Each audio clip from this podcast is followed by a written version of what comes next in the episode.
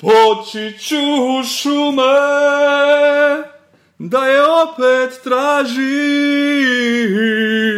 uz tišinu rijeke, da je mirno sanjam. Kako si mi stari, stara, a si res v redu, ali to samo tako rečeš. Zato, ker bi bilo čudno, če bi rekel kaj drugega. Dobrodošli v afektu. Uh, mnogi tega najbrž ne veste, ampak sem velik, velik fan zdravka Čoliča in nasplošno vseh teh šlagerjev, pop šlagerjev, sploh jugoslovanskih. Mislim, da sem milijonkrat poslušal, bila je tako lepa pesem pokojnega gospoda Dragana Stojniča. In potem sem zvedel, da je v originalu LT si žuli, pizdu. Če sem si za kakšen komad želel, da je, da je originalen, da je, da je avtorski, je to bila je tako lepa, ampak ni. In potem ista stvar s slovenskim komadom. Um, kaže, če šustarski most, izjemno lep koma, če šustarski most, če šustarski most, paraba, paraba, paraba, paraba. In pol izveš, da je v originalu šustarski most, fucking šonzelize. Jebite se, jebite se, aj sploh do takrat delal avtorsko glasbo, od vas pop, šlager, papkov. In pol sem omenil to kolegu, temu Tihomirju Paraveni, s katerim sem pred kratkim nastopil v postojni. In je rekel, da je da Ivo Robnič, da je on zaradi tega bil glavni Jack takrat, ker on je pa delal avtorske stvari. Tako pravi Tihomir, Psihomir Paravena. Ampak, če se vrnem nazaj k Čoliču, uh, bili je tornat, nisem, uh, ti si mi v krvi, to ni moj najljubši komat to je težko verjeti, ampak ni, čisto zaradi tega, ker je preveč guljen. Loše vino pa je, loše vino je v top 3, definitivno. In sinoč nisi bila tu, tam je. Tate. Sinoč nisi bila tu, da mi malo snage daš, da mi pružiš roke te, da na njima umrem ja, o ne. To je ono, ko daš na YouTube, veš na hitrost 1,5. O ne, ne mogu više, ne mogu da te volim, odlazi sa. Nosim, nosim, nosim sve, što si mi dala, ono malo toplih dana. Ove. Um, ja, no, ampak tako malo sem zapel v štartu, ne? tako malo sem zapel tudi na odru v postojni. Zelo dobro se zavedam svoje sposobnosti pevske. Uh, in vem, da me je težko poslušati, ampak rad pojem, zelo rad pojem. Jaz sem tako kot ne vem, um, Sanja Grohar. Ne? Rad pojem, nisem, ne obvladam blazno, ne? ampak uh, vsake toliko pa to namensko naredim. Veš, grem na oder in si namensko uh, naredim bruko. Samo zato, da se spomnim, da to je pravi način. To, da greš ne vsakič si delati bruke, ne, ampak tako polovico krat si moraš delati bruko, ker to pomeni, da si na pravi poti. Ker če, če vsakič zmaguješ, ne boš seveda uspešen, bo te bo folk oboževal in vse, in boš služil, uh, boš popularen, boš. Uh, uh, ekonomsko se ti bo splačalo, absolutno. Je pa tako, da um, potem pomeni, da ne poslušaš sebe, ne? pomeni, da strežiš, izhajaš iz njihove potrebe, iz potrebe publike. In, um, does that make any sense? Yes, it does. Yes, it does. In tako ima Emily, uh, na začetku, ki sem ga zapel, Emily, počiču šume, da je opet tražim v tišino reke, da je mirno sanja. Potem sem pomislil, pa kdo gre iskat bebo v šumo? Kakšna je to beba, ki jo moraš v fucking hostu iskat? Kje se to dogaja, v kučevju? A, A si ti zaljubil v medvedko ali kaj? Parke sem se osramotil tudi na karokah. Na karokah, kao, ve, ne vem koliko krat ste bili, ampak vedno je ta nek občutek, ko, ko se začenjajo karaoke. ponovadi je tako, da vsi se od tega, so karaoke, ponovadi je nekje prvič. Uh, da sploh imajo ta večer in zdaj kako bo šlo, in tam se nek folk zbere, ki je pel, ampak ne bi prvi, in, potem, in vedno se full hitro stopnjuje. Noben noče biti prvi ali pa drugi, po tretjem komadu pa je že tako, da bi še oni prvi šel še enkrat in vsi bi šli in vsi kar enkrat bi vsi peli. Ne. Ampak v štartu je tako, da noben noče in takrat se pozna pravi pogum. In prije gor nekdo kot prvi in zapoje, legendarno razfaka, rasturi in folk. Wow, si videl, je prišel kot prvi in razfakal, ti je res car in pogumen. Sori, stari, če ti znaš pet in greš na karoke kot prvi, to ni pogum. To je samo showcase. Evo, poglejte me. Pogum je, če nimaš pojma pet in greš kot prvi trezen. Evo, to, to pa so jajca to pa so jajca in to cenim, ko nekdo gre gor in še folk ni ogret in začne cviliti, pa se res matra in trudi, ampak fuša, stari, fuša, ko moj stari, ko končaš šik na gradbišču. Ja, to je pogum, to je ta pravi pogum.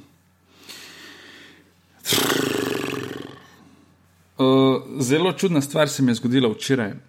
Uh, sva se odločila uh, z mojo, da greva veš, zdaj so krajši dnevi in pol imaš tisti čas, nekje, če se odločiš ob sedmih hit ven z otrokom, ne vem, v Tivoli ali kamorkoli, da si malo pač, da je malo na zraku in tako. Imaš urco cajt, ni več to poletje, poletje, ko imaš dve uri, ta nekje do pol desetih, lahko potegneš, ne, zdaj imaš slabo urco cajt in sva rekla, ajde greva, greva ga spraviti v avto in gremo v Tivoli pa bomo pojedli kakšno tortico, pa malo bo tam skakal, pa bomo igrali malo fusbal mogoče. Uh, in to bo en tak lep zaključek dneva. In se spravim v avto in lik speljem tam na cesto, peljem se ne vem, 20 sekund. In zagledamo skupaj eno gospo, ki se zvija pod težo neke, neke torbe, nekega ruksaka, ki ima na hrbtu in ga je naslonila na električno marco, ker, ker je toliko težko, in v rokah ima bergle in zraven še paket toaletnega papirja. In ne moreš, ne moreš da ne bi pomislil, fuk, a ja, ustavim, obrnem avto ali kaj čem. In politik ni samo moja odločitev, ker pol zdaj vsem nekako otežim, uh, oziroma zakompliciram malo zdaj ta predviden, predvideni lep zaključek večera. Ampak ajde, Klaudij pristane in reče: Ok, jaz obrnem avto tam parkiran nekje, gospa, lahko pomagam. Ma ne, se bom jaz, se bom zmogla, precej stara. Se bom zmogla, se bom zmogla, sej. Sem rekel, ne, gospodete, vam pomagam, ne ste vi torbo, v smislu, da ji ostane še kaj ponosa. Ne ste vi tole tam malo torbo in birgle, jaz bom pa toaletni papir, pa tole težko torbo, ki jo imate. Ma ne, se jaz, ona kar ustraja, se jaz, jaz bi hočem trenirati, veste, jaz rabim tako, veš, tisto, ko uh, sama sebi laže. Uh, in jaz se tudi ustrajam in polona popustim, mi da torbo, torba, težka, stari. Kot da je šla v nakup kamenja, majke mi je šla v špara, kot da je šla v trgovino s fosili.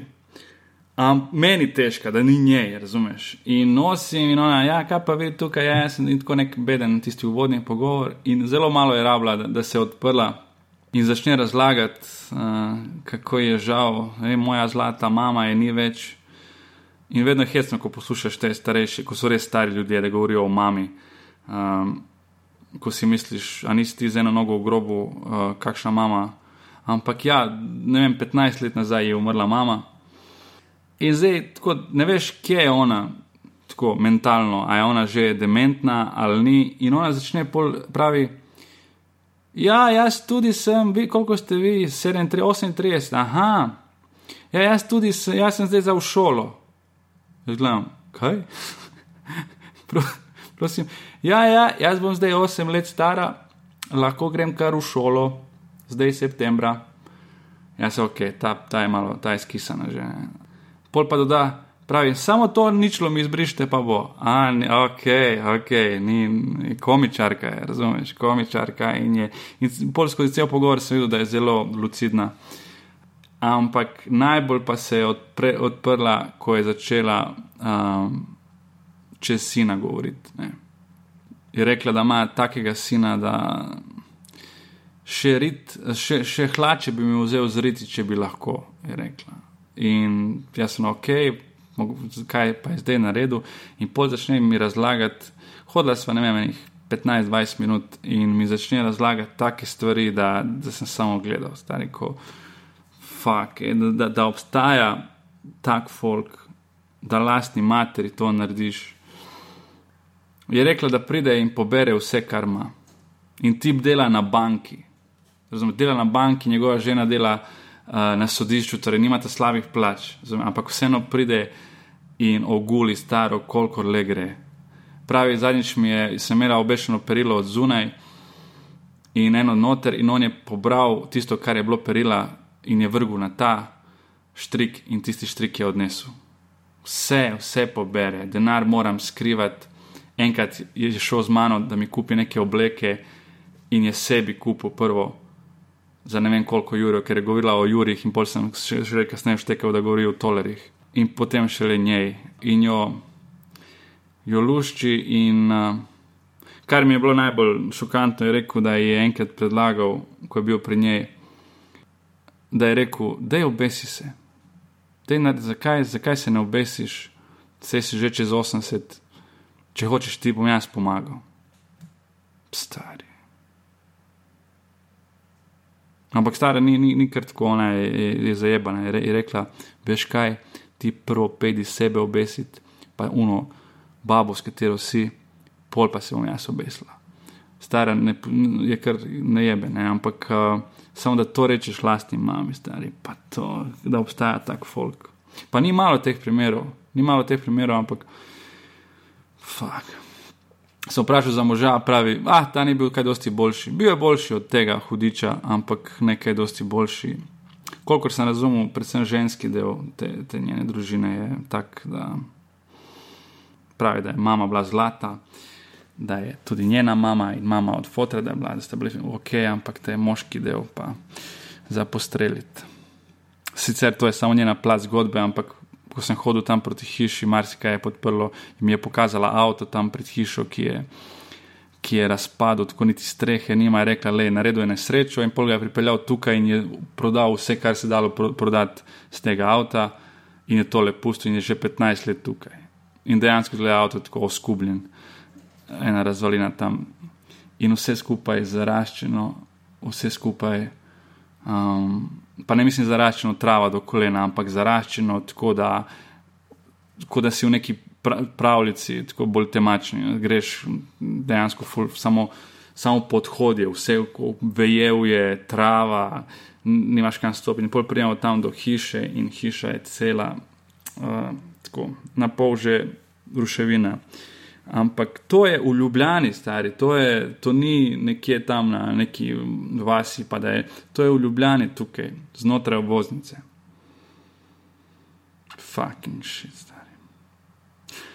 In pol sem odložil in mi je hotel, da denar sem rekel, ne, si tak, da ne. Uh, Ker je pisal, bi bil rekel, ok, da je plače zdaj. Dobro, stara, plače mi 10 evrov za nošenje, plus 10 evrov za te poslušal. Ne, sem laufal zato, ker sem uh, vedel, da sem zdaj pokvaril na, naš izlet. In vmes uh, sem se slišal, da sta moja dva šla domov, da bo mali zdaj si igral pred, pred blokom, da ne bomo šli sploh v Tivoli. In prijem tja in tam se uh, Klaudi pogovarja z sosedo, uh, ki je v istem bloku. Smo se videli parkrat, ampak nismo se nikoli pogovarjali. In ta soseda um, je iz Bosne, tako kot njen mož. In tudi ona ima svojo zgodbo. Ne? Ona ima zgodbo, da je. Uh, pa spolsta mi nek tak simpatičen par, ne vem, na, najbrž samo jaz jo doživljam tako, ampak zdi se mi kot en tak tipičen jugoslovanski par. Ona je 50, on je 56 let star. In on mi zgleda kot ostarel zdravko čolič. Ne? ne čisto podoben, ampak ta tip moškega, veš. Uh, samo malo slabše finančno. Uh, in ona pa zgleda kot neka ostarela brena. Recimo. In ona tudi ima svojo zgodbo, da je, da je bila z nekim drugim možem in da, da se ni šlo po ne vem koliko letih. Ima, če sem prav razumel, že, že odrasle otroke in tam ste zgradili nekaj skupaj, ampak pol, ko je počelo enkrat, je tako, da je ona začela uh, iznova, ko, ko je s tem novim možem, zdaj sta čisto na novo. In tukaj v tem bloku ima ta garsonjerco, ki sta jo kupila zdaj pred kratkim na kredit, ki ga bosta odplačevala, dokler bosta stara 135 let. Ker tako je s temi jebenimi krediti. Tako je, stari. To, ja, jaz, a ni hecno, kako mi uh, se, se posmehujemo nekim drugim uh, kulturam, recimo v Indiji, tiste kaste. Kao, kire budale, kakšne kaste, eni so več vredni, eni so manj vredni, eni so bogati, eni so čisto revni, pa živijo drug zdraven drugega, čisto oni dirt, poor in tisti, ki je uvili. Kako je to sploh možno, kakšna. Kaj pa pri nas? A je pri nas kaj totalno drugače ali kaj? Vse ima, mi tudi imamo kaste. Totalno imamo kaste, samo in tako ne rečemo. Obstaja ta neka kapitalistična pravljica, da ti, um, ti lahko si priboriš na tebi, na tvoje sposobnosti, koliko si sposoben, koliko si deloven, koliko se ženeš. American dream, ti lahko uspeš, ti, ti samo moraš delati, ti moraš biti sposoben in ja, vlagati vase. Večina bogatstva se prenaša iz roda v rod. Tudi v zahodnem svetu večina bogatstva se prenaša iz roda v rod, in to je manjši del populacije, večji del populacije, tako kot jaz, ali po vsej vrednosti ti, ki to poslušaš, pa smo celo življenje obstojni na to, da se borimo z revščino. Tudi če nisi reven, čisto reven, reven, veš, da obstaja ta možnost, da boš končal kot tisti tam um, na prešercu, ki je tam na, na stopnicah pri, pri cerkvi. Vedno imaš ta strah v sebi, da boš tam nekje končal med njimi. Jaz ga imam. Jaz ga imam, če si stand-up komik, je toliko bolj ta, ta strah potenciran. Um, če, mislim, če živiš honorarno, ni važno, če si komik ali pa če si, um, če si izdelovalec um, našitkov. Ampak ja, imaš ta strah non-stop non-stop. Ampak tisti, ki, ki je pa bogat in je njegov oče bogat in je njegov dedek bil bogat, on nima tega strahu. Zato, ker veš, vse veš, da on, nihče ni bil prej reven, nihče ni bil klošar, niti ti ne boš. Razen če boš res zaružil, res zajebo, ampak to je, to je na tebi. To je na tebi, to, to itek pol ni sploh relevantno, če si debil, pa, pa zaružiš, pa, pa se zadrugiraš, pa ne vem kaj. Ampak Vsi drugi pa moramo, tudi če delaš vse tako, kot je treba, ali če se trudiš, vedno je tisto, da si op, op, op, ne? da ne boš kaj zinu na šihtu, pa boš šel brez šihta, da ne boš to, da boš šlo. Fuck this life, kapitalizem, komunizem, socializem. V kojem izmu si ti, Aleksandre, najkomotniji? Uh, v svom siebizmu, jaz smem da kažem siebizmu. Da, da. da. Pa nekako. Uh, komičan. Mi smo ovdje vrlo slobodan vrlo studio. smo slobodan studio, ja, da, nemamo RRA i ostale ove, radiodifuzne agencije koje motre na nas. Uh, u Budvi smo bili kad me je pitala, pitala me voditeljka jednak, da li se desi nekad komičarima da moraju da nastupaju kada im baš i nije do nastupa, kada su tužni. Rekao, sestro, desilo mi se tri puta za pet godina da sam nastupao kad je bilo sve potaman. Tako da, u principu, a mislim da ćeš se i složiti sa mnom, da. I, ono, i, i ovo ljudi što znamo, nekako najbolje funkcionišemo kad je malo haosa uključeno u, u naš život. Da, da. da Jer ne... prosto, bar ono da je kamenčić u cipeli, ako ništa, ako ništa drugo. Jer... Da, o, je, je, ti samo pričaj, ajde mi sklopiti ovaj... Um pomivalni stroj. Ovde imamo uh, protiv požarne sisteme koji su uh, ugrađeni pre, još su test varijanti i moramo da vodimo računa prosto da... E, a takođe... je najbolje? U prvoj epizodi podcasta sam govorio kako mi idu na živce ovi amateri jebeni koji snimaju podcast, ide tamo na WC. I dete plaču i da, da. Tako da, Aleksandar, da ga malo predstavim, Aleksandar je stand-up komičar iz uh, Srbije. Uh, rodom nisi iz Beograda, jel? Uh, ne, došao sam, malo idem sa turneje, Dubrovnik, Šibenik, Pirovac. Ne, ne, kažem, rod, gdje si a, rođen? rodom, a Da, rodom, rodom, rodom. A, rodom sam iz Kraljeva. Jedno Iz Kraljeva. mesto U Šumadiji, Maribor možda zna, pošto smo bratski gradovi. A da. Da, to je. I bilo je, zapravo za vreme komunizma je bio voz Bratstvo i jedinstvo koji je vozio na relaciji uh, Kraljevo-Maribor. Ozbiljno. I jednom godišnje. Da, Fun sad- fact. Da, da. I tipa da li za dan mladosti taj uh, vlak krene iz Kraljeva pa ode do Maribora i onda su se, mislim, družili se komunisti, prosto znali su malo bolje nego mi, čini mi se. Super, super, nisam znao. Da. Da, za- zapisat ću negdje. Ali ostalo. Uh, ne, ne želim te ono, I don't wanna put you on the spot, ali a- ajde malo pričaj o sebi. Ja, ja i ti se poznajemo sad već koliko, ja mislim da Pet, šesta godina. šesta godina i vidimo se manje više na nastupima kad, kad ti dođeš vamo ili kad, kad ja idem negdje dole. Ali, eh, u stvari, ovako, privatno ne znam ništa puno o tebi. eh, znači, iz Kraljeva, si- gdje, gdje si odrastao, kako izgleda to? O, odrastao sam zapravo u jednom selu koje se zove Adrani i pored Kraljeva je nekih 4 km. Tako da sam odrastao u, u jednom seoskom domaćinstvu i negde već od desete godine sam otkrio šta znači kopanje, e, plašćenje sena i, i sve Da, te neke da. onaš. I onda je deda, deda pokojni uvek imao taj trip, ajde ti si dedin unuk, ti ćeš meni, znaš, ovo će Pomoć. biti sve tvoje, da, da vidi ovaj komšija kako njegovi unuci nisu najbolji nego si. Znaš, to Sve loženje- da. Loženje, znaš, ono, mahinacije i ostalo. Ali u principu naučio me je nekim stvarima vezanim za radnu disciplinu i zapravo mnoge stvari sam shvatio tek kada je on umro. Tek smo tada zapravo videli koliko, koliko je taj čovek držao sve u svojim rukama, da je vodio računa kada treba ovo, kada treba ono. U, niko od ostalih u mojoj porodici To se nije... je bio djed od eh, mame oče- oca? oče, otac. Oče, otac. Aha. I ovaj, tek kada je umro mi smo videli koliko je to zapravo posla i koliko je to organizacije. Mislim, ono, četiri njive zapravo ili livade, ali zapravo koliko posla i koliko razmišljanja treba i, i, i organizacije da sve to funkcioniše kako treba. Tako da negde posle njegove smrti mi smo nekako i odustali od te poljoprivredne proizvodnje i ono bacili se na, na neke druge stvari. Iako je ono, iako i on radio u, u jednoj firmi i otac i, i stri, dobro, stric je više bio ovako e, slobodni umetnik, muzičar, bubnjar, pa i tu malo ovaj posao otišao kad su nam profesionalizovali vojsku, pa više nije bilo ispratnica u vojsku, pa ono, hiljadu pesama je prosto nestalo i, i niko ih više ne izvodi.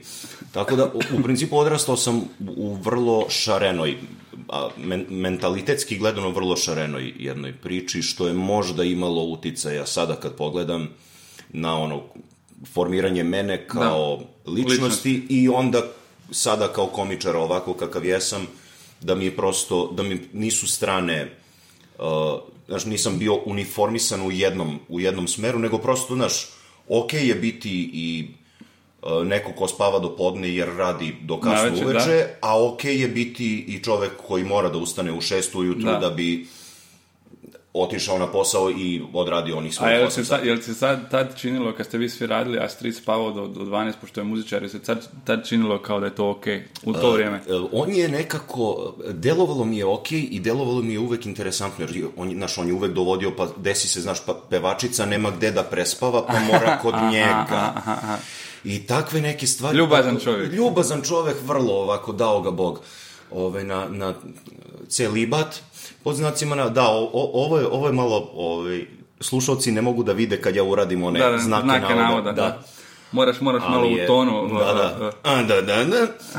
Među, ali delovalo je i on je negde uvek... Uh, on je mene gurao na to, znaš, pa mi je, od, njega sam dobio prvu kasetu, pr, prva komedija zapravo koju sam ja čuo, bila je kaseta uh, srpskog glumca Miodraga Andrića, Ljube Moljca. Aha. I on je imao taj neki, pa to je zapravo bio one man show koji je snimljen, stand-up. Ja sam pričao sa, prije- sa uh, oprosti da te prekidam, zapamtim gdje se ostao, ali ja sam pričao sa uh, jednim čovjekom dole u, kad smo nastupali u Crnoj Gori, Mhm. u Podgorici, i kažu, i Srđan Jovanović mi je rekao da je on kao Ljuba Moljac je preteča kao vas Jest. uh, ko- stand-up komičara, ali kad sam pričao s njime, on kaže, nije on preteča, kaže, on je stvarno bio stand-up komičar, ljudi poznaju najviše te njegove uh, nastupe na TV-u, Da. znači gdje on govori o nekim monologu kameru koja je televizi- televizijski monolog, ali u stvari je imao i nastupe uživo, ja sam rekao, je bilo to na reakciju? Kaže on, da, na reakciju je bilo. I ako ti, i ako ti imaš monolog na reakciju, to je stand-up, to ništa drugo E, nije. I druga stvar, to jeste bilo u formi, onoj našoj što, naš premisa i punchline, Da. on je, on je to imao, on jeste se bavio tada, to su bile te 80. pa je bila stabilizacija, čuvena tema u Jugoslaviji, ekonomska stabilizacija, on, se- on se dosta bavio time, na primjer. I on je zapravo na jednom takvom nastupu i umro na sceni.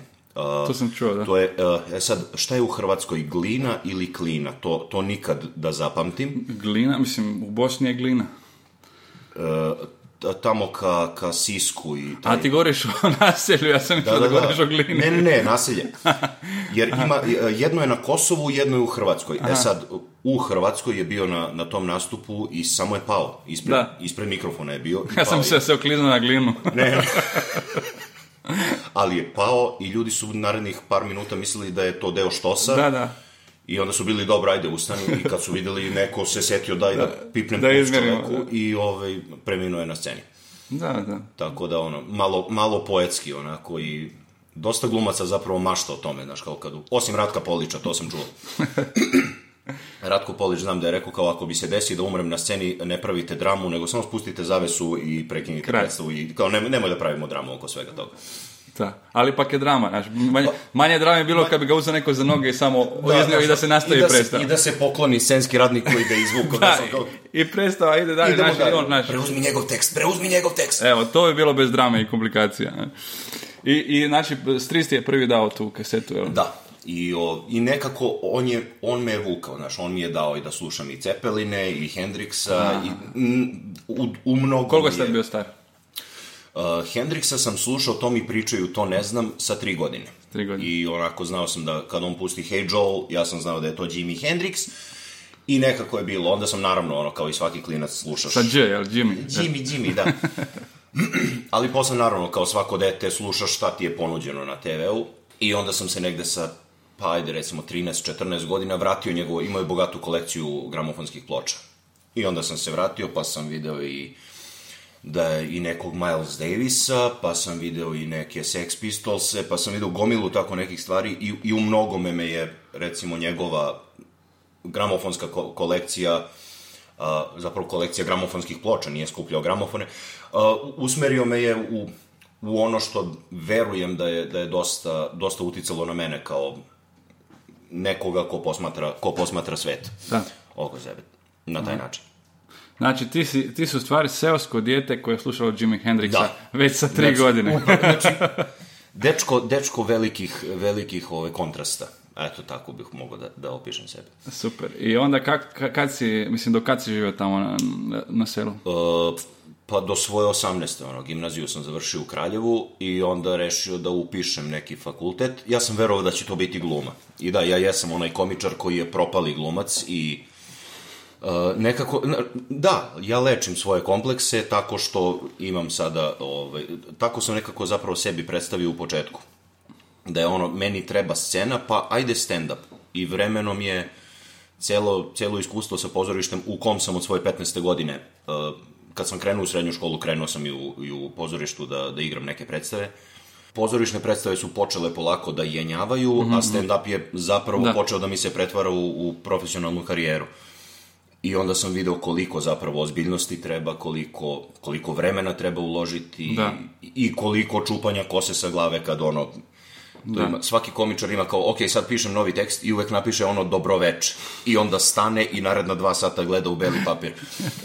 Ali u principu nekako... Znaš, ta- znaš, sorry, znaš da je meni smiješno da još uvijek kad god pišem taj uh, ali neko, znaš, Aha. ono, uh, imate li ime tom, u, Hrvatskoj kažu šalabahter, ovaj, Koncept. a, koncept, On- da, da, uglavnom, Puš- puškice. stand-up komičar pišemo par alineja, o čemu ćemo sljedeći pet minuta govoriti, onda sljedeća alineja i tako dalje, znači tematski sklopovi. Uh, I uvijek na početku je dobro večer ili uvod. Da, uvod, da. Uvodne fore. A ti, ti si uh, sa stand-upom počeo kad je Milica, to jest standup.rs kao organizacija organizirala uh, open mic konkurs uh, 2010. da. 2010. Ide, zapravo ideja je bila a, da pričao sam sa svojim prijateljem i rekao, znaš šta, ja sam razmišljao da napišem jedno sat i po vremena i da to ponudim svom pozorištu, da to igram na njihovom repertoaru. A to si već prije imao ideju. To je bila ideja. Da. I čovek kaže, to je super. I posle tri dana me zove, kaže, vozim se autom i na radiju vidim reklamu za konkurs, ta i ta organizacija, evo ti sajt, idi vidi o čemu se radi. Aha, aha, ja nisam znao da Stand Up RS postoji, da Milica uopšte postoji. Da, da. Pogledam, vidim da je to to, javim se devojci i ona kaže izvoli dođi. Imao sam sreću da sam na, na tom, na tom ovaj, takmičenju sam i pobedio i tako je krenulo zapravo. Krenulo je da. prvo ono, imao si onih, onih pet minuta pre, u to vreme je Srđan Jovanović uh, nastupao već sa svojim Da, da, da. uh, one man showom i onda se desilo, znaš, pre nekih nastupa imaš 5 minuta, 10 minuta. Milica je bila onako insistirala, piši, piši, piši i na kraju negde smo i znali da prosto ono, ako hoćeš da, da nastupaš, moraš da imaš um, ma, operativni materijal koji da. prosto ono može da, da funkcioniše. Bilo je dosta traženja, da li u ovaj stil, da li onaj stil, pošto, znaš, kao pratiš stand-up komičare i sve bi. Od, Da, da, da, znaš, pokušavaš. odjednom bi i bio i storyteller i one-liner i a, a, ono, što kažu, alternativni stand-up komičar Da. i mainstream stand i crnu i, I- da, da. sve bi probao. Ali to je jedini, kako bih rekao, pravi Moraš da način, probaš. moraš probat. Moraš, Upravo to. Ono, Upravo to. Tako da i negde, evo, šest godina kasnije, Punch, gostovanje u Ljubljani, Da. vidim se konačno sa tobom u jednom studiju i ovaj, znaš, putujem po, po ono, bivšoj jugi, lepo mi je, prijemi. znači odgovarati. Odgovara, da. Odgovara se. I kako bi se opisao sad, kakav si komičar? Ja govorim o, o tom uh, one-liner, storyteller, kakav, kakav, koja vrsta, koja sorta se komičara? Vremenom sam, vremenom sam nekako ukapirao da uh, je ta podela na one-linere i storytellere dosta veštačka i da može dosta da zbuni. Naročito mlade komičare koji dođu i kao, ok, jel, sam ja, jel ja da budem one-liner ili storyteller? I onda sad, to ne mora da znači da ako si ti storyteller, ti mož, moraš da pričaš naširoko priču i ne možeš da ispričaš jedan kratak fazon. Niti ako si one-liner, znaš, nisi, niko ti ne brani da, e, a sad da vam pričam šta, se, šta mi to. se jednom desilo. Baš, baš sam to htio reći. Recimo, meni je um, najviše Zek Galifianakis, Galifianakis. Uh, Ili kako god da se zove, ka- Amerikanci kažu Galifianakis, Mhm. uh, Galifianakis je. da.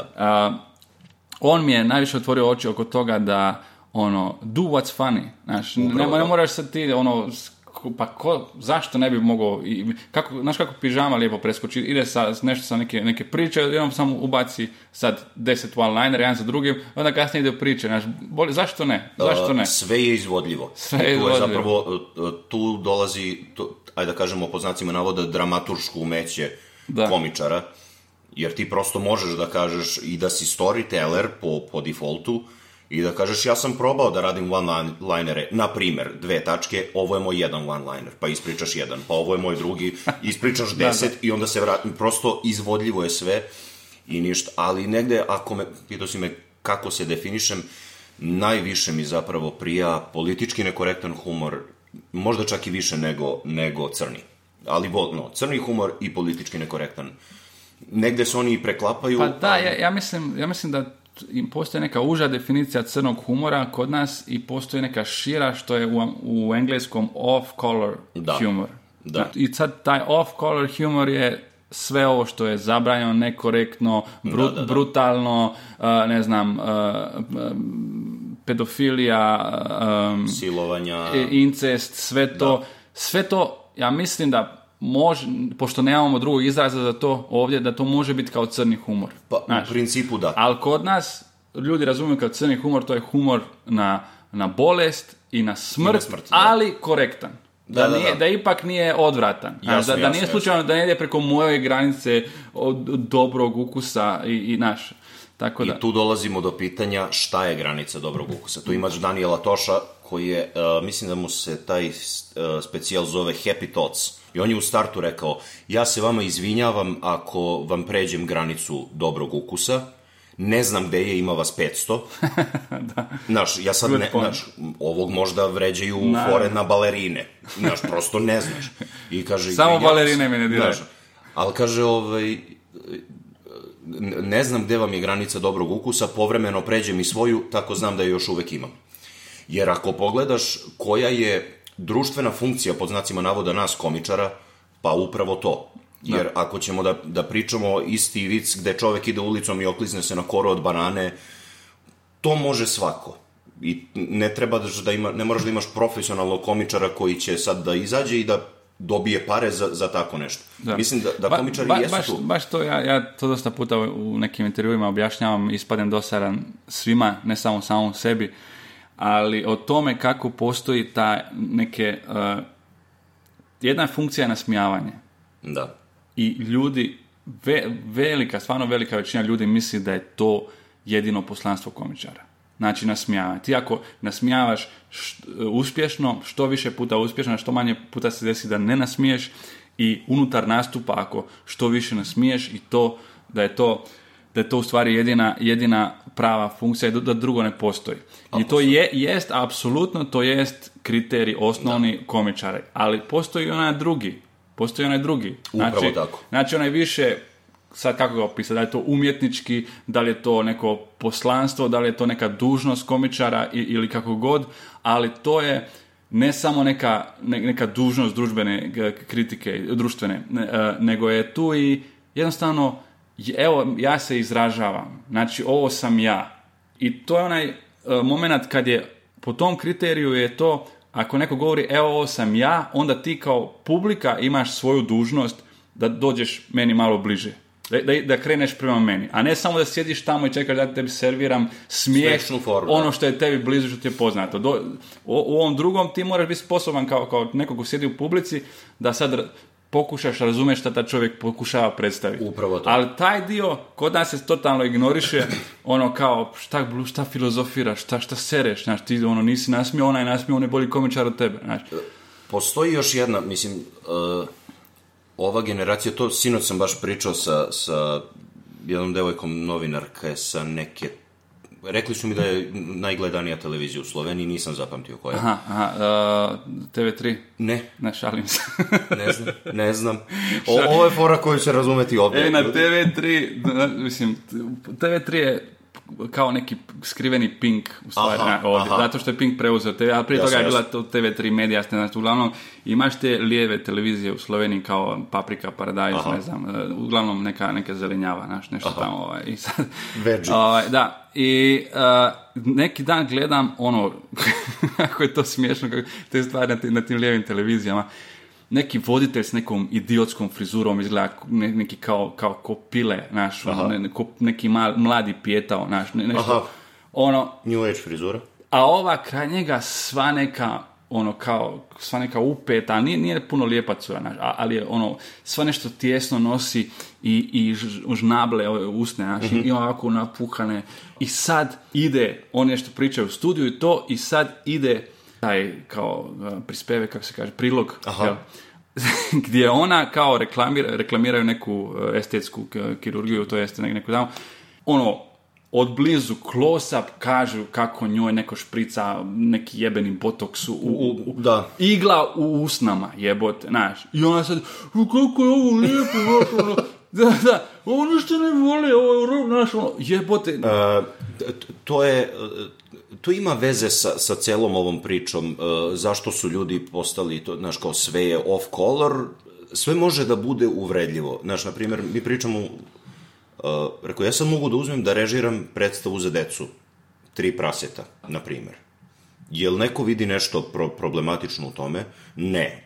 Generalni odgovor ne. Ali rekao, ajde da odem da ga režiram u sanđačkom kraju. Neko će da se nađe uvre... Može teoretski da se nađe uvređen, što ja prasiće sad dovodim u, u prostor gde je većinsko stanovništvo musliman. Znaš, Aha. jer prosto sve je, uh, sve je podložno uh, da može da bude uvredljivo.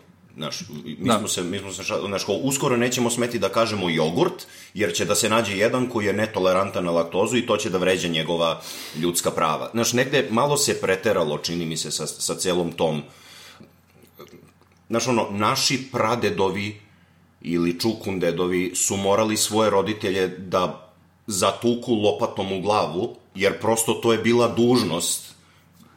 Naš, nema dovoljno hrane. Naše babe i dede su, ono, moj deda je gledao kako mu Nemci streljaju u oca. A, Da, znaš, moj otac je morao da, e, nije morao, ali išao je na, ne znam, radne akcije i, znaš, prosto Da, sva, da.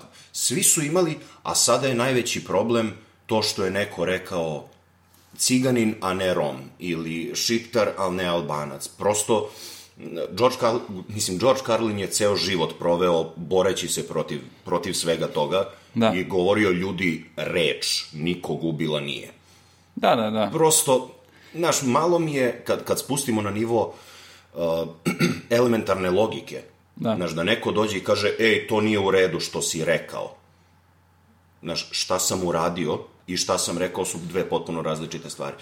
Tako da negde, i, i cela ta priča, mislim, znaš, sad je, ok je, to, to ti pružaju na televiziji. Rokni sebi iglu u usnu, i e, niko ne sme da vas dira i niko ne sme da vam kaže ništa jer reči mogu da bole. Reči ne bole.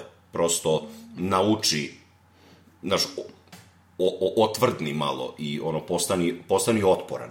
Da. Vrlo, me, to je recimo, došli smo do teme koja me jako iritira i jako sam u fazonu, Znaš, s vremena na vreme dođe tako neki aktivistki, aktivista ili aktivistkinja na, na nastup i onda sluša mene koji pričam o silovanju, incestu, smrti. Pogotovo u klubu. Znaš, Da. Pogotovo ako si ti u klubu gdje nek nešto probavaš što ono, to se još stvara, ja sad ovdje vučem neke stvari koje ću možda kasnije izbaciti, zato što stvarno jesu, imaju neku rasističku notu unutra, imaju nešto nekorektno, imaju vamo tamo, ali to se još ono stvara i ti si sad došla ovdje u ovu moju rupu gdje ja to probavam i gdje se ljudi smiju tome, Da. meni reći da to nije, da to, nije ok, znaš, to, to, o tome su govorili Chris Rock i, i, i, i Sarah Silverman i to, znaš, onaj, tako da, to ja mislim da je tu taj konflikt uh, nekog, nekog mainstream svijeta i nekog, nekog komedija undergrounda gdje se neke te stvari ovaj, Izgube u prevodu malo. a, a primijetio sam da se ljudi smiju i kasnije kad je to na velikom stage ako je to dovoljno onako, uh, kako bi rekao, smiješno, da neke i, i šovinističke stvari i to i, i ovaj, i onako, to prolazi, znaš. To, to, to- I sad, pitanje je sad zašto, zašto smo ljudi takvi, za, zašto, su, zašto se smijemo čak ako nešto nekorektno, zašto nismo, ali ono da, ri- riječi ne ubijaju. E, kažu da je psiho, u, u psihologiji čoveka osnovni strah strah od smrti. Jer svako želi zapravo da živi, što duže i zapravo svako želi da ne umre. I negde kad, kad se pojavi komičar koji je predstavi tu smrt ili nešto loše, predstavi kao ne toliko loše, ljudi sebi daju taj, kažu da je to negde podsvesti i cela ta priča. Ali recimo konkretno što se tiče e, same nekorektnosti, to, ja negde sam napravio sebi e, potporu, e, jer ja sam čovek koji negde na početku svog nastupa nekako izbaci kako, kako sam bio u incestnoj vezi, e, kako sam vrlo devijantna osoba, i onda dođem i kažem nešto rasističko ili Da. šovinističko ili šta go, sve što je po današnjim merilima to se ne sme. I onda kad se neko nađe uvređen, pa čekaj, ja prvi sam devijantna osoba. Moj paterni ponašanja vezani za mene su loši. Uh, I da, naravno da sam, mislim naravno da sam, to je moja stage persona. On jeste rasista ili nacionalista ili šta god. Ali zar ne vidiš da on već nije u pravu mnogo, mnogo pre nego što je ovo izjavio? Da. li ćeš zaista da kažeš da, ovaj lepo je rekao? Ne, nasmijaćeš se, ali znaš da sam ja na, ja na stage-u, Da. sam jedna budalina koju treba zapravo Znaš, ne treba prihvatiti ono što ja kažem. Da. I negde, znaš, ja imam svoju, ajde da kažemo, teoretsku, teoretski okvir uh, s, s kojim mogu da se odbranim ukoliko imam sad ono neprijatnosti zbog izrečene, izrečenog fazona. Ali je, uh, najveći problem je što ljudi to ne vide. Znaš, ljudi Da. misle, jer to je to, ono, ljudima je, šta im je bačeno, a to je reklama. Znaš, imaš dve sekunde da, da skapiraš da kupi ovaj deterđent, kupi ovu pastu za zub. Aha, hoću. Isto to primenjuju i na nas komičare. Znači, ti ako si pričao o kamionima, to je o kamionima i to ne mora da znači da je kritika e, savremenog potrošačkog društva, oni vide da je to priča o kamionima i to je to. I to je najveća, najveća žalost zapravo u, u savre, čini mi se u savremenom E, svijetu. na šta mene živcira ovako kad e, kod neke publike, a to se dosta često desi, ne, ne znam da je slučaj dole, u, govorim sad za nastupe u Sloveniji. Nastupaš u nekom manjem kraju i sad, ono, vređaš, e, mislim vređaš, zajebavaš Da. ovog, zajebavaš onog, zajebavaš sebe, ovaj, sto puta na, na sto različitih načina i sad u nekom trenutku zajebavaš njih kao grad. Kao, kao njih, kao ne, ne bilo šta njih kao, kao regiju, znaš, bili to sad Štajerci ili, ili ne znam, Dolenci ili i to im je najveća uvreda. Pazi, tu, ono, tu se, odjednom ono, znaš, kao, "Oh, ne, e, e, e, znaš, ono, živcira me, ili, ili recimo religija, ili bilo šta, ili bilo te, te, znači, neke stvari koje njih kao povezuju. Znači, to, to, je, to je njihova, i to je postoji neko kao pravilo u komediji, da ti never attack the glue that holds them together. Znači, možeš ti njih posebno zajebavati, ali ako ti napadneš, znaš, ka- kakva je ova... Kohezione sile. Da, da, e, to, ako to napadneš, onda si gotov. Znaš, I to, a to te kohezivne sile su glupost. Znaš, ne Jesu. postoji ljubljančan, to ne postoji. Postoje ljudi koji žive u Ljubljani, a ljubljančan kao, kao neka posebna vrsta ljudi ne postoji. Upravo, a, Znaš, isto tako, znaš, ali u nekom imaginarnom svijetu to postoji. Mi, uh, uh, štajerci, mi, znaš, ljudima je jako bitno da pripadaju negde. Da. I onda čak i veštački naprave tu pripadnost. Ali recimo, to je Anthony Jeselnik imao uh, genijalan odgovor. Kaže, čekaj, brat, uh, on je pričao, uh, ispričao valjda neku foru o lezbejkama. I onda se javila jedna lezbejka i rekla da to nju vređa. da, da, da. I on kaže, čekaj, ovo je 40. minut mog nastupa.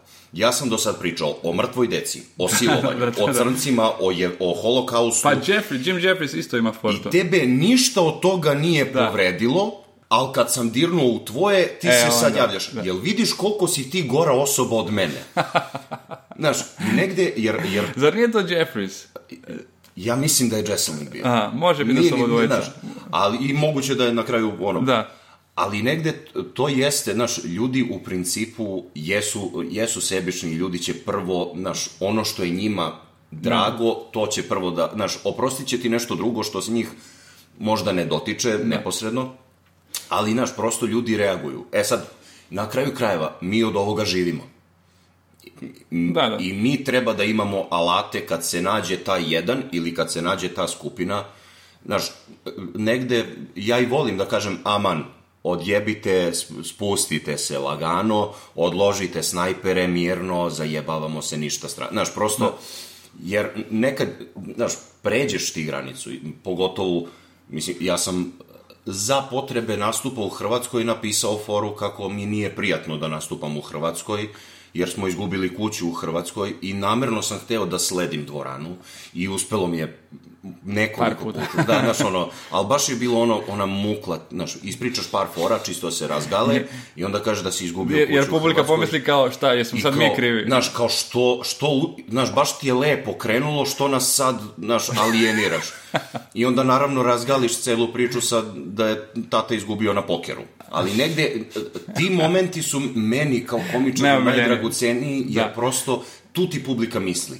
Znaš, tu publika se zapravo suočava sa sobom. Znaš, to- to je ono, e, premisa, premisa, punchline, pa se svi smeju, to je negde... A, ali napraviš nekad tako što bez da vučeš gore nazad na površinu. O, ovo sa- zadnje što si rekao, kao pa, otac izgubio na pokeru, a kao, a, okej. Okay. Uh, ne, ne napraviš. znači uvek idem navuče, ono, te fore navučem na tanak led, a onda Izvučeš, spasim situaciju negde i volim, volim te, te ovaj, takve momente, jer e, prosto osjećaš kako je, naš, nekome je neprijatno, neko je ljut, neko sad kreće, čekaj, čekaj, Tuđman i Milošević su, naš, da, već se pripremio. već se sprema odgovor i svako kreće da sprema svoju, svoj, svoj defanzivni mehanizam neki, Da. a onda se pojavim ja kao... I onda stvarno odloži oružje. Kao, a, u redu, u redu, ok, Znaš, kao, ali to je i negde i meni, ok, sad si kao komičar uradio svoj posao. Ono što smo pričali, naš, ne samo pričati fazon koji je smešan, nego malo naterati ljude da prom, znaš, sad nekad misle negativno, nekad misle pozitivno, ali to negde jeste lepota, ono, slobode kao, kao takve. Ali mislim da to su ti neki ono instrumenti koji nam koji nama kao komičarima do, dozvoljavaju da, da to radimo. A meni je, meni je baš kad, kad, govori, kad, kad uh, se govori o Kaufmanu, uh, Da. to mi je uh, nekako najfascinantnije kod njega da je on, oni kažu kao geni i ovo ono jeste je sve, ali ta, ta hrabrost da on ide svjesno i naravno ima sve, sve je proučio kako to izgurat bez želje da on njih da, da im da na kraju bilo kakvo odrješenje, bilo kakvu Da. kat- katarzu, bilo šta, nego on ide u to da im ne servira pošto su oni došli. Oni su došli po smijeh, a on im servira ljubaznost. Da. I sad ono kao, e, sad će na kraju ipak neće. Oni dođu po, po smijeh, on im servira žalost. Na, Da. ono, I, i ta, jednostavno taj, taj nivo, uh, sad kad se on u karijeri, on, on je to, ja ne, ne znam da postoji raniji neka faza Kaufmana, ja mislim da od početka to radio, jer recimo Louis C.K.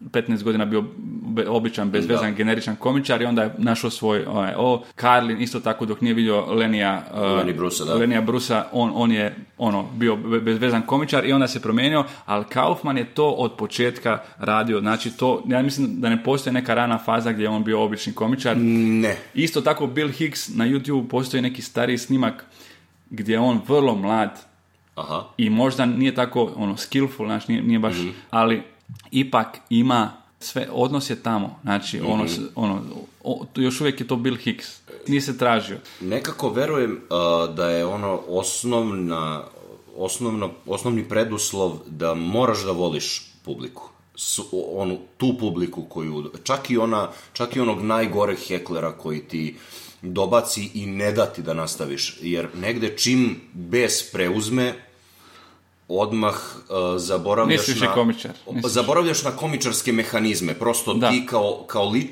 čovek reaguješ i to je ono merenje ega Istina. ili ko, naš, po, povišen ton da. bih ja tebe ubedio u nešto. Ovaj, tako da, uh, negde, znaš, ono, Karlin je govorio čoveku, ono, ako imaš dete, nadam se da će ti umre, zato što ga je pre... Da, ali da, ne, izgori u mislim- autu konkretno. Znaš, da.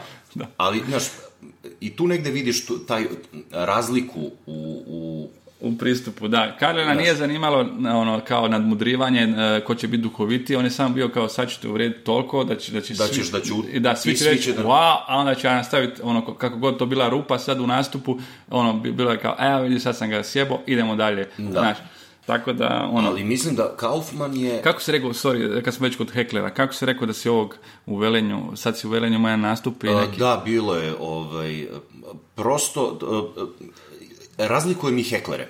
Da. Znaš, imaš čoveka koji je vrlo pijan i on misli da dominira i šta god ti njemu kažeš, publika se njemu smeje, ali on misli da on pobeđuje. I taj dečko je bio jedan od, jedan od tih. I prosto, da, mislim, to je već i, i generička fora i često volim da je kažem, pitam, jel ti, brate, imaš neke seksualne pretenzije prema meni? I obično odgovor u 99% slučajeva bude ne.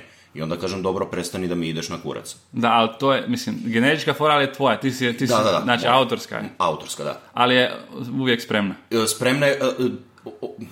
Ja prvo volim da, da potrošim malo vremena, ajde kosi, šta si, E, pa to je, pa možda ću, tako, pa znaš. to bi ja baš kažem, ne možeš odmah s time jer ono Ne, ne, to je, umjetno. to je za ono, za na kraj. Da. Znaš, ako vidim da ne mogu da ga učutkam sa nekom improvizacijom ili ono pitanje, Da, odgovor, da, da. pitanje, odgovor, To, to mi je bolji, bolji onda recept. pribegnem tome, da. Da. Ali ovaj, de, te večeri to ništa nije pomagalo i na kraju sam bukvalno išao preaching, uh, ti ne zajebavaš mene, ti zajebavaš ljude koji su platili kartu, ja ću da budem, boli me uvo, ja ću da odem. Da, da. Da, to sam, to sam čini mi se rekao. Reasoning. uh, velenje, uh, ja ću, ja ću da odem, ali on vam ostaje ovde za ceo život. I svi znaš, kao vi ste ovde na gubitku, znaš, kao Ali u principu, uh, najveći, uh, to mi se desilo posle nastupa da je mnogo ljudi prišlo iz Velenja i, znaš, svi mi se izvenjavaju u njegovo ime. Bez- bez- I sad, bez ja sam, ono, ljudi, ja ću doći ponovo, jer prosto hekleri su Sastavni sastavni deo cele priče i ja ne bih bio ne bih smeo da se nazovem komičarem ako ne mogu da budem spreman na, na tako nešto. I na kraju krajeva uh, ima, znam, ono, znam ljude koji se, koji se ljute na, na heklera i Znaš, ja sa heklerom imam Pa da, ali postoji, postoji publika gdje je hekler 1, 2 i postoji publika gdje vidiš da je veći dio publike takav da ono šta ja radim ovdje. Znaš, To da, ali negde onda se, onda se prosto uh, postoji i, i kategorija loš nastup.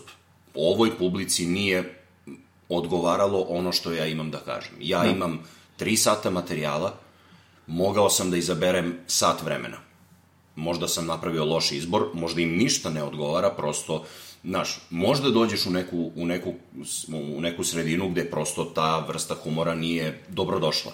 Tačka, odtuguješ loš nastup i to je to, nastaviš dalje.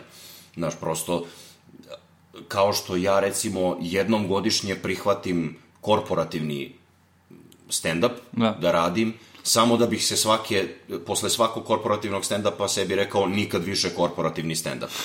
I onda se oladim do sledeće godine i onda opet pristanem da radim za, ne znam, ono, proizvođače farbe. Da. I onda se oni ne smeju i onda sam opet tužan godinu. Ali ideš zbog para. Ali idem zbog para. Zato što su pare tamo Znaš. koliko? Dva, tri puta više. Pa, evo. tako. E, ti, ja mislim da se ne sjećaš, ali prvi put ili drugi put kad smo mi nastupali u Beogradu, ovaj, Dobro. Ti si imao svoju prvu korpo gažu. Sjećam se, Sjećaš jako dobro. Ja, ja se sjećam da bilo je to poslije našeg nastupa, ti i, Vi Ni- ste i bili Nikola, Uz, da, vi ste bili u Zvezdara teatru. a ti Nikola, je li Nikola bio? Da, Johnny. Ste, ste došli sa Nikola. Nikola Silić, Ne, Johnny Fazoni je bio. a Johnny Fazon. Više ne e, nastupa, ali Johnny Fazoni i ja i bio je još jedan momak koji je takođe mislim da je rešio da završi medicinski fakultet i da, Da. bude lekar. ste se vratili sa prve korpo gaže u životu. Da. Nastupali smo za uh, lekare, stomatologe i farmaceute. Uh, ako postoji negativna predrasuda o, o bilo kom zanimanju, to da, da ove tri uh, profesije ne vole da slušaju druge kako pričaju. Oni vole da oni pričaju. I imali smo ovaj, pokušaj od pet minuta svako da ih razgali, nije nam uspelo i onda smo, to je bio jedan jako dug put, negde, traje sat i po vremena, ali nama je trajalo nekih 10 sati, tako da, seć, sećam se toga jako dobro. To Ja, ja se sjećam kad ste došli da je kao primjedba bila da je neka žena koja se naručila rekla da to nije to što su oni vidjeli na TV, oni su vas vidjeli na TV i da to nije to. Oni znači su- vi ste bili na TV prije prve korpo gaže, Da. vi ste vrlo, vrlo brzo došli na Dobili TV. smo, da, imali smo malo i sreće da se jedna emisija je tražila takav kalibar ljudi i onda Da. nam je pružena prilika. Mislim, ja sam imao, moja karijera je trajala 20 dana. U trenutku kada sam se ja pojavio na, na, na televiziji sa nacionalnom frekvencijom. Znaš, ono, to je tada bio Fox, sada prva, prva TV. To je bio 4. novembar, mi smo snimali, ajde recimo 1. decembra, tu emisiju. Jer je To nije prosto- bilo gostovanje kod Kesića. to je, to je A, gostovanje bilo- kod Kesića, da. Da. To je to. I tu je, zapravo ta žena je, Pre- mislim- mi smo nju pitali, a jel ste vi znali šta kupujete? I ona kaže, pa ja sam čula da ste vi bili kod Kesića u emisiji i da je to dobro. Znaš, to je ono, dobar dan, daćete mi ove farmerke, hoćete da probate? Pa nema potrebe. I Čula sam da su farmerke čula dobre. sam da su dobre, prosto ne, ne ide tako.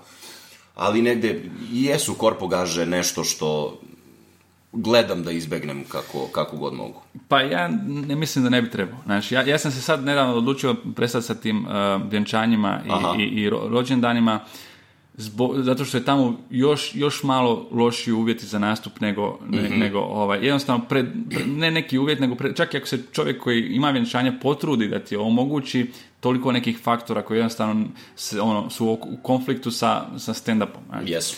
A, ali korpo gaže ipak je, kažem, malo je bolje i zna biti, zna biti na, na venčanju naravno bolji uvjeti i, i ovaj bolji nastup, ali kažem, jednostavno, kad je ovdje bio Eddie Izzard i Tin pričao s njima ovako nešto kao na samo i ovo, na, kao, Tin kao, ono, malo mu se požalio, uh, kao, mi imamo dosta tih korpogaža i vidim da me ne vode u pravom smjeru korpogaže, jer, naš, na, naš prolazi na korpogažama, nije to baš najplodnije Jasno. tlo za komičara. I on kaže, yeah, don't do, don't do uh, corporate stuff. Ma jebi se, znaš, Da. lako je tebi reći don't do Kad corporate. puniš Wembley, da. Pa ne samo on, nego bilo koji engleski komičar, ako napravi, ako si imalo dobar, ne ako si imalo dobar, ako si solidan komičar u Engleskoj i napraviš uh, set 20-30 minuta, ono, ako hoćeš Imaš karijeru. sljedeću godinu dana, ako hoćeš 365 dana nastupat, nastupaš. Možeš, znaš. da. A kod nas, ako odbiješ neke vjenčanja i, i, i privatne zabave, ako odbiješ korpo, ono, Ostaje o- ti ostaje ti tri- 30% para. Da. Jer klubski nastupi su super i, i festivali su super, ali od toga nema šanse da, živiš. Da, da, da. Ne, znaš, ono, otprilike guram, guramo kako možemo, jer ono, i u principu... Aj menjamo temu, malo sam se sad, malo sam se prvo da ti sad, ne, sad sam krenuo introspekcija, kao kuda idemo, dakle dolazim, zašto je ovaj sto crn i ja, treba, da li je trebalo da se obrijem, ah, dobro. Dobro, ajde, ovo, ja sam pričao, ajmo, ajmo ok, završi, sa, a- završimo sa ovim malo Ku, light, kukanje, da. light eh, temama, da, to je, to je bilo meso, glavni dio, kao i uvijek. Ovaj, ali ajde završimo s ovim light eh, temama. Ja sam počeo sa Zdravkom Čolićem, eh, koji mi je onako... Ja sam njega otkrio sa 22-23 godine, te kasnije, ono, ne, ne, prije toga sam čuo, zanimljivo da, ali bio je rat, Aha. znaš, i to, ovaj, on- onda nije ti do pjesme. Nije ti dobro, da, jasno. Ali, uh, ne, slušao, znaš koji sam slušao kad sam bio tineđer, šta sam ja slušao? Uh, Boys to Men, All for One. Aha. Uh, uh, I swear by the moon Zvali oni and the stars. Ace of Base i... i... Uh, u, ne, to je već pre hard bilo za mene. Ali čekaj, ali čekaj, kako se zvali? Uh, uh, sećaš Army of Lovers? ne. Obsession. A, uh, spot je bio ludački, bio je neki uh, potpuno crven, crvenokosi lik, imao je crvenu dugu kosu i crvenu bradu i on kao vuče neku lutku, a ta lutka je čovek. Da. I on nešto pe... Vrlo, uh, uh, devojka koja sve vreme peva Obsession. A on peva I could wait night and day Saw your name when I... pr-" Vrlo, jedan od bolesnijih spot, spotova koji se pojavio u to vreme na MTV-u. A bio ono kad je bio Too Unlimited i, i, te, i te neke ovaj... E, ja sam siguran da bi Klaudi, moja draga, da bi Aha. ona 100% znala, jer ona je koja enciklopedija. Eto, a, vidiš. a ja nisam odrastao uz radio, pa ne, nemam pojma o čemu govoriš, ali... Ali da, znaš, raz- Zdravko Čolić može da asocira na rat, pogotovo na četnike, znaš, još se nisam ni brijao, život mi je već prijao i to. Tako da, kapiram, kapiram kuda ide, znaš. Jel to imaš u stand-upu? E, pa to, e, Eto, vidiš. to je predobra fora. Eto, vidiš. Predobra fora za podcast. Ne, neka ide. Ide u etar, šta da radimo, znaš. ovaj, do- dobro, ali najomljenija, naravno, i tvoja najpoznatija fora je o Bajagi.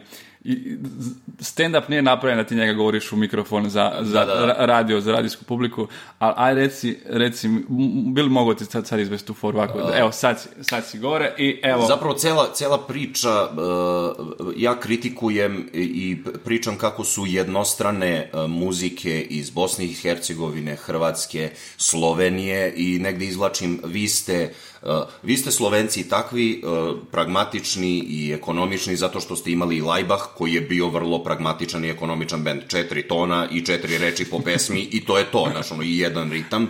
Ali, znaš, to ste vi, life is life, to ti je život, nema kukanja, nema, znaš, ostavila me žena, nemaš, to ti je život, na, izvini, nađi novu ženu, nađi novi pod, znaš, to je, mi, bosanci su, znaš, to je tuga, to je miljacka, to teče, to, na, treba, otišla, na, Hrvati o isto stipse, znaš, kukaju, zašto sanjaju ćemprese i to. Ali, znaš, i onda sam, Bajaga mi je nekako odgovor na sve. Koga mi, znaš, da, da svi slušamo Bajagu više, mislim, Bajaga dolazi ovde i u... On zapravo radi od Vardara pa do Triglava i dalje. Zašto? Zato što je čovek koga boli kurac za, za apsolutno sve, znaš. Jer on ima... Kod njega možeš šta hoćeš, kad hoćeš, kako go... Primera radi. Jedno od bržih kopnenih prevoznih sredstava u savremenom svetu, u normalnim zemljama, Bajaga je uzo, posvetio mu pesmu i dao je tempo voz. Pospan. Znaš, dao je tempo kao da je pisao tekst ono, kolica. Invalid vozi svoja kolica uzbrdo. Znaš, ti tamo misliš ima neke poente u njegovim tekstovima, on dođe u sledećem stihu i pojebe ti koncepciju. On, on fino krene, na primer Plavi safir, svi znaju tu pesmu. Znaš, on, on krene kao duvaju promaje kroz vrata naroda tu gde smo prošli mi još davno nekada. I ja sad mislim, sad će neka poenta, znaš, ono, planina, Širina. Ural, Kaspijsko jezero, velike seobe, kroz vrata naroda, dolazimo mi, Sloveni, Huni, Mongoli, naš, naseljavamo ove prostore, pada Rimsko carstvo, kulturološka sjedinjenja, jezičke barijere, prava manjina, uprihvatamo tuđu kulturu, tuđe običaje, tuđu, naš, muziku, kuhinju, znaš, pa se neko zaljubi, pa mešoviti brakovi, pa prihvatamo tu desu, znaš, sad će nešto pozitivno, Europi, oće kurat. Kaži mi ko ti gužva postelju i ko ima zlatne ključeve od... I onda gledaš u fazonu, da, ovog čo, ovom čovjeku se jebe za sve, brate, znaš, ono kao smak sveta, ne, ko mi jebe bivšu ribu, to je u ovom trenutku nebitno. Znaš, i onda se malo igram i posle kako, kako ovaj, moj nastup odmiče, onda se još malo igram i vraćam se na celu tu priču, pa ima... Da, da, da, to, ovaj, to mi je najbolje. You had to be there. Šta- šta- Ne, ne, nećemo sve odgrati, ali da, da, mora se... Sorry, kaže, najgore kad neko kaže a, u intervju kao, aj sad malo stand-upa ubaci, znači, to je najgore, Da. a, ali mislim da si dobro to izveo, tek toliko da malo naslikaš. Uh, e, Aleksandar, baš ti hvala, si bio ovdje, uopšte nismo uspjeli popričati da si bio upravo na festivalu Punch. Upravo tako, da. Aj, ajmo samo za kraj još malo par, par riječi o tome. Uh, nastupio si na uh, crnoj večeri, znači Večeri, večer da. crnog humora. Da, i bilo je, bilo je jako lepo, nastup, bilo mi je jako drago što sam nastupao sa uh, čovekom koji se zove Scott Capuro, preporučio bih ga svima, jedan, ono što se kaže comedian's comedian. Ti ga gledaš i tačno ti je jasno, ja ga gledam i sve vreme razmišljam, hoću ja ovako, majko, hoću ja ovako, Da. jer čovek ima tako dobar flow, tako dobar ritam, tako, Mhm. tako zna, znaš, i kada spusti glas, i kada da ide u pik, gledam, gledam čoveka i učim. I desilo mi se da, nestalo mi je svetla u sred mog nastupa. Prvi, prvi je zapravo, uh, teški mi je rekao kao, uh, na 20 minuta ćemo ti upaliti crvene reflektore, čisto da znaš da je, da je ovaj, da si ispunio Da, red light, Da wrap it up. i ovaj, da, da završavam.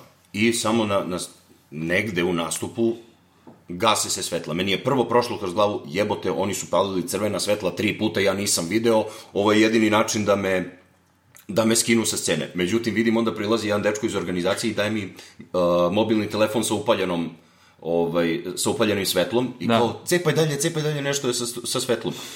I kao, okej, znaš, pričam sad neko vreme, pa se upališe neka, upalila su se neka svetla, vidim, vidimo se, okej, sve super, znaš, i tražim teškog, kao, jel da, kaže, već možeš da privedeš kraju, jer sad sam u fazonu, možda sam 45 minuta, a ovaj čovek je headliner posle mene, sad ispada da ja sad, ono, Da, da, uzimaš... radem vreme na, na Da. sceni, znaš, kao šta da radim.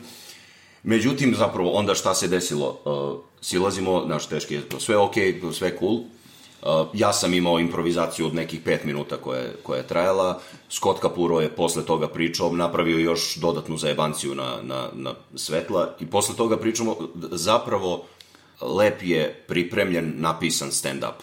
I, I sve je to super kad ti znaš šta pričaš. Ali negde jedan profesor iz, iz Beograda, profesor glume, Predrag Bajčetić je, znam da je jednom prilikom rekao, najlepša stvar koja u teatru može da se desi jeste greška. Jer tu zapravo vidiš onu, onu organsku reakciju, ono, da li je to glumac ili komičar, Naravno, nije bitno, naravno. ali tu vidiš ljudsko biće koje se adaptira, koje dokazuje evoluciju na kraju kraja, znaš, prilagođavaš se celoj priči. Završili, završili smo nastup, ono, napravili smo onaj malo after party i Scott koji kaže, da, ovakve stvari, to je pet minuta novog materijala. I, znaš, ništa loše nema u tome, tako da zapravo ovo mi je drugi put da sam, da sam nastupao na Panču, pre dve godine je bilo ovaj, ono prvo, čak smo Da. zajedno nastupali te večeri. Se, da, ti Sjećam si se da izvodio aristokraciju, ne, Aha, to je a prvi da, put da sam da. slušao aristokraciju uživo od, od nekog komičara. I, ovaj, i, tako da, u principu, moje iskustva s, e, e, sa Punch festivalom su onako uzlazna jedna, jedna funkcija i, Mhm. i jako mi je lepo bilo. I pre dve godine, ove godine još lepše, tako da nadam se novim uh, druženjima sa ljubljanskom publikom, jer, Da. jer zaslužujete. i A večeras ide u Kurčeve, jel? Idem u Kočevlje, sutra je Zagreb i onda se vraćam. Moja sestra je rodila drugu ćerkicu i idem malo da se, da se družim sa bebom i da malo odmaram, a onda kreće nova sezona. E, super, baš nam je drago svaki put kad dođeš, tako da... Hvala e, vama što ste me pozvali i hvala tebe što si me pozvao u podcast. Ovo je koja? Četvrta, peta epizoda, tako da, drago mi je da sam na samim počecima, Da, nastajanju i kad budeš jednog dana na Wikipediji, obavezno da me napišeš da sam bio gost. O, važi, važi. E, dame in gospodje, fanti in punce, to je bil Aleksandar Perišič. E, hvala Aleksandru, ampak hvala tudi Anžetu Tomiču, ki je, to mnogi ne vejo, vrhunski izdelovalec platnenih našitkov. E, V prostem času skrbi za podcaste, tudi tega, torej za aparatus.si, greste na slash podpri in prečekirate, kaj ti počne. Vidite ga pa lahko tudi na mojem roastu, ki bo na kanalu A to nedeljo ob 9:45. Eh, Na YouTubu ga ne bo, treba je gledati ta uživo, zato ker ne vem, kako bo s ponovitvami, ampak na YouTube ga ne smem dati pogodba predpogoj je bil, da, da ne gre potem na YouTube, ampak na vojo, tako da dajte gledati na TV. Na, na, na YouTube bo šel čez nekaj let, potem ko preteče pogodba. In to je to. Adijo.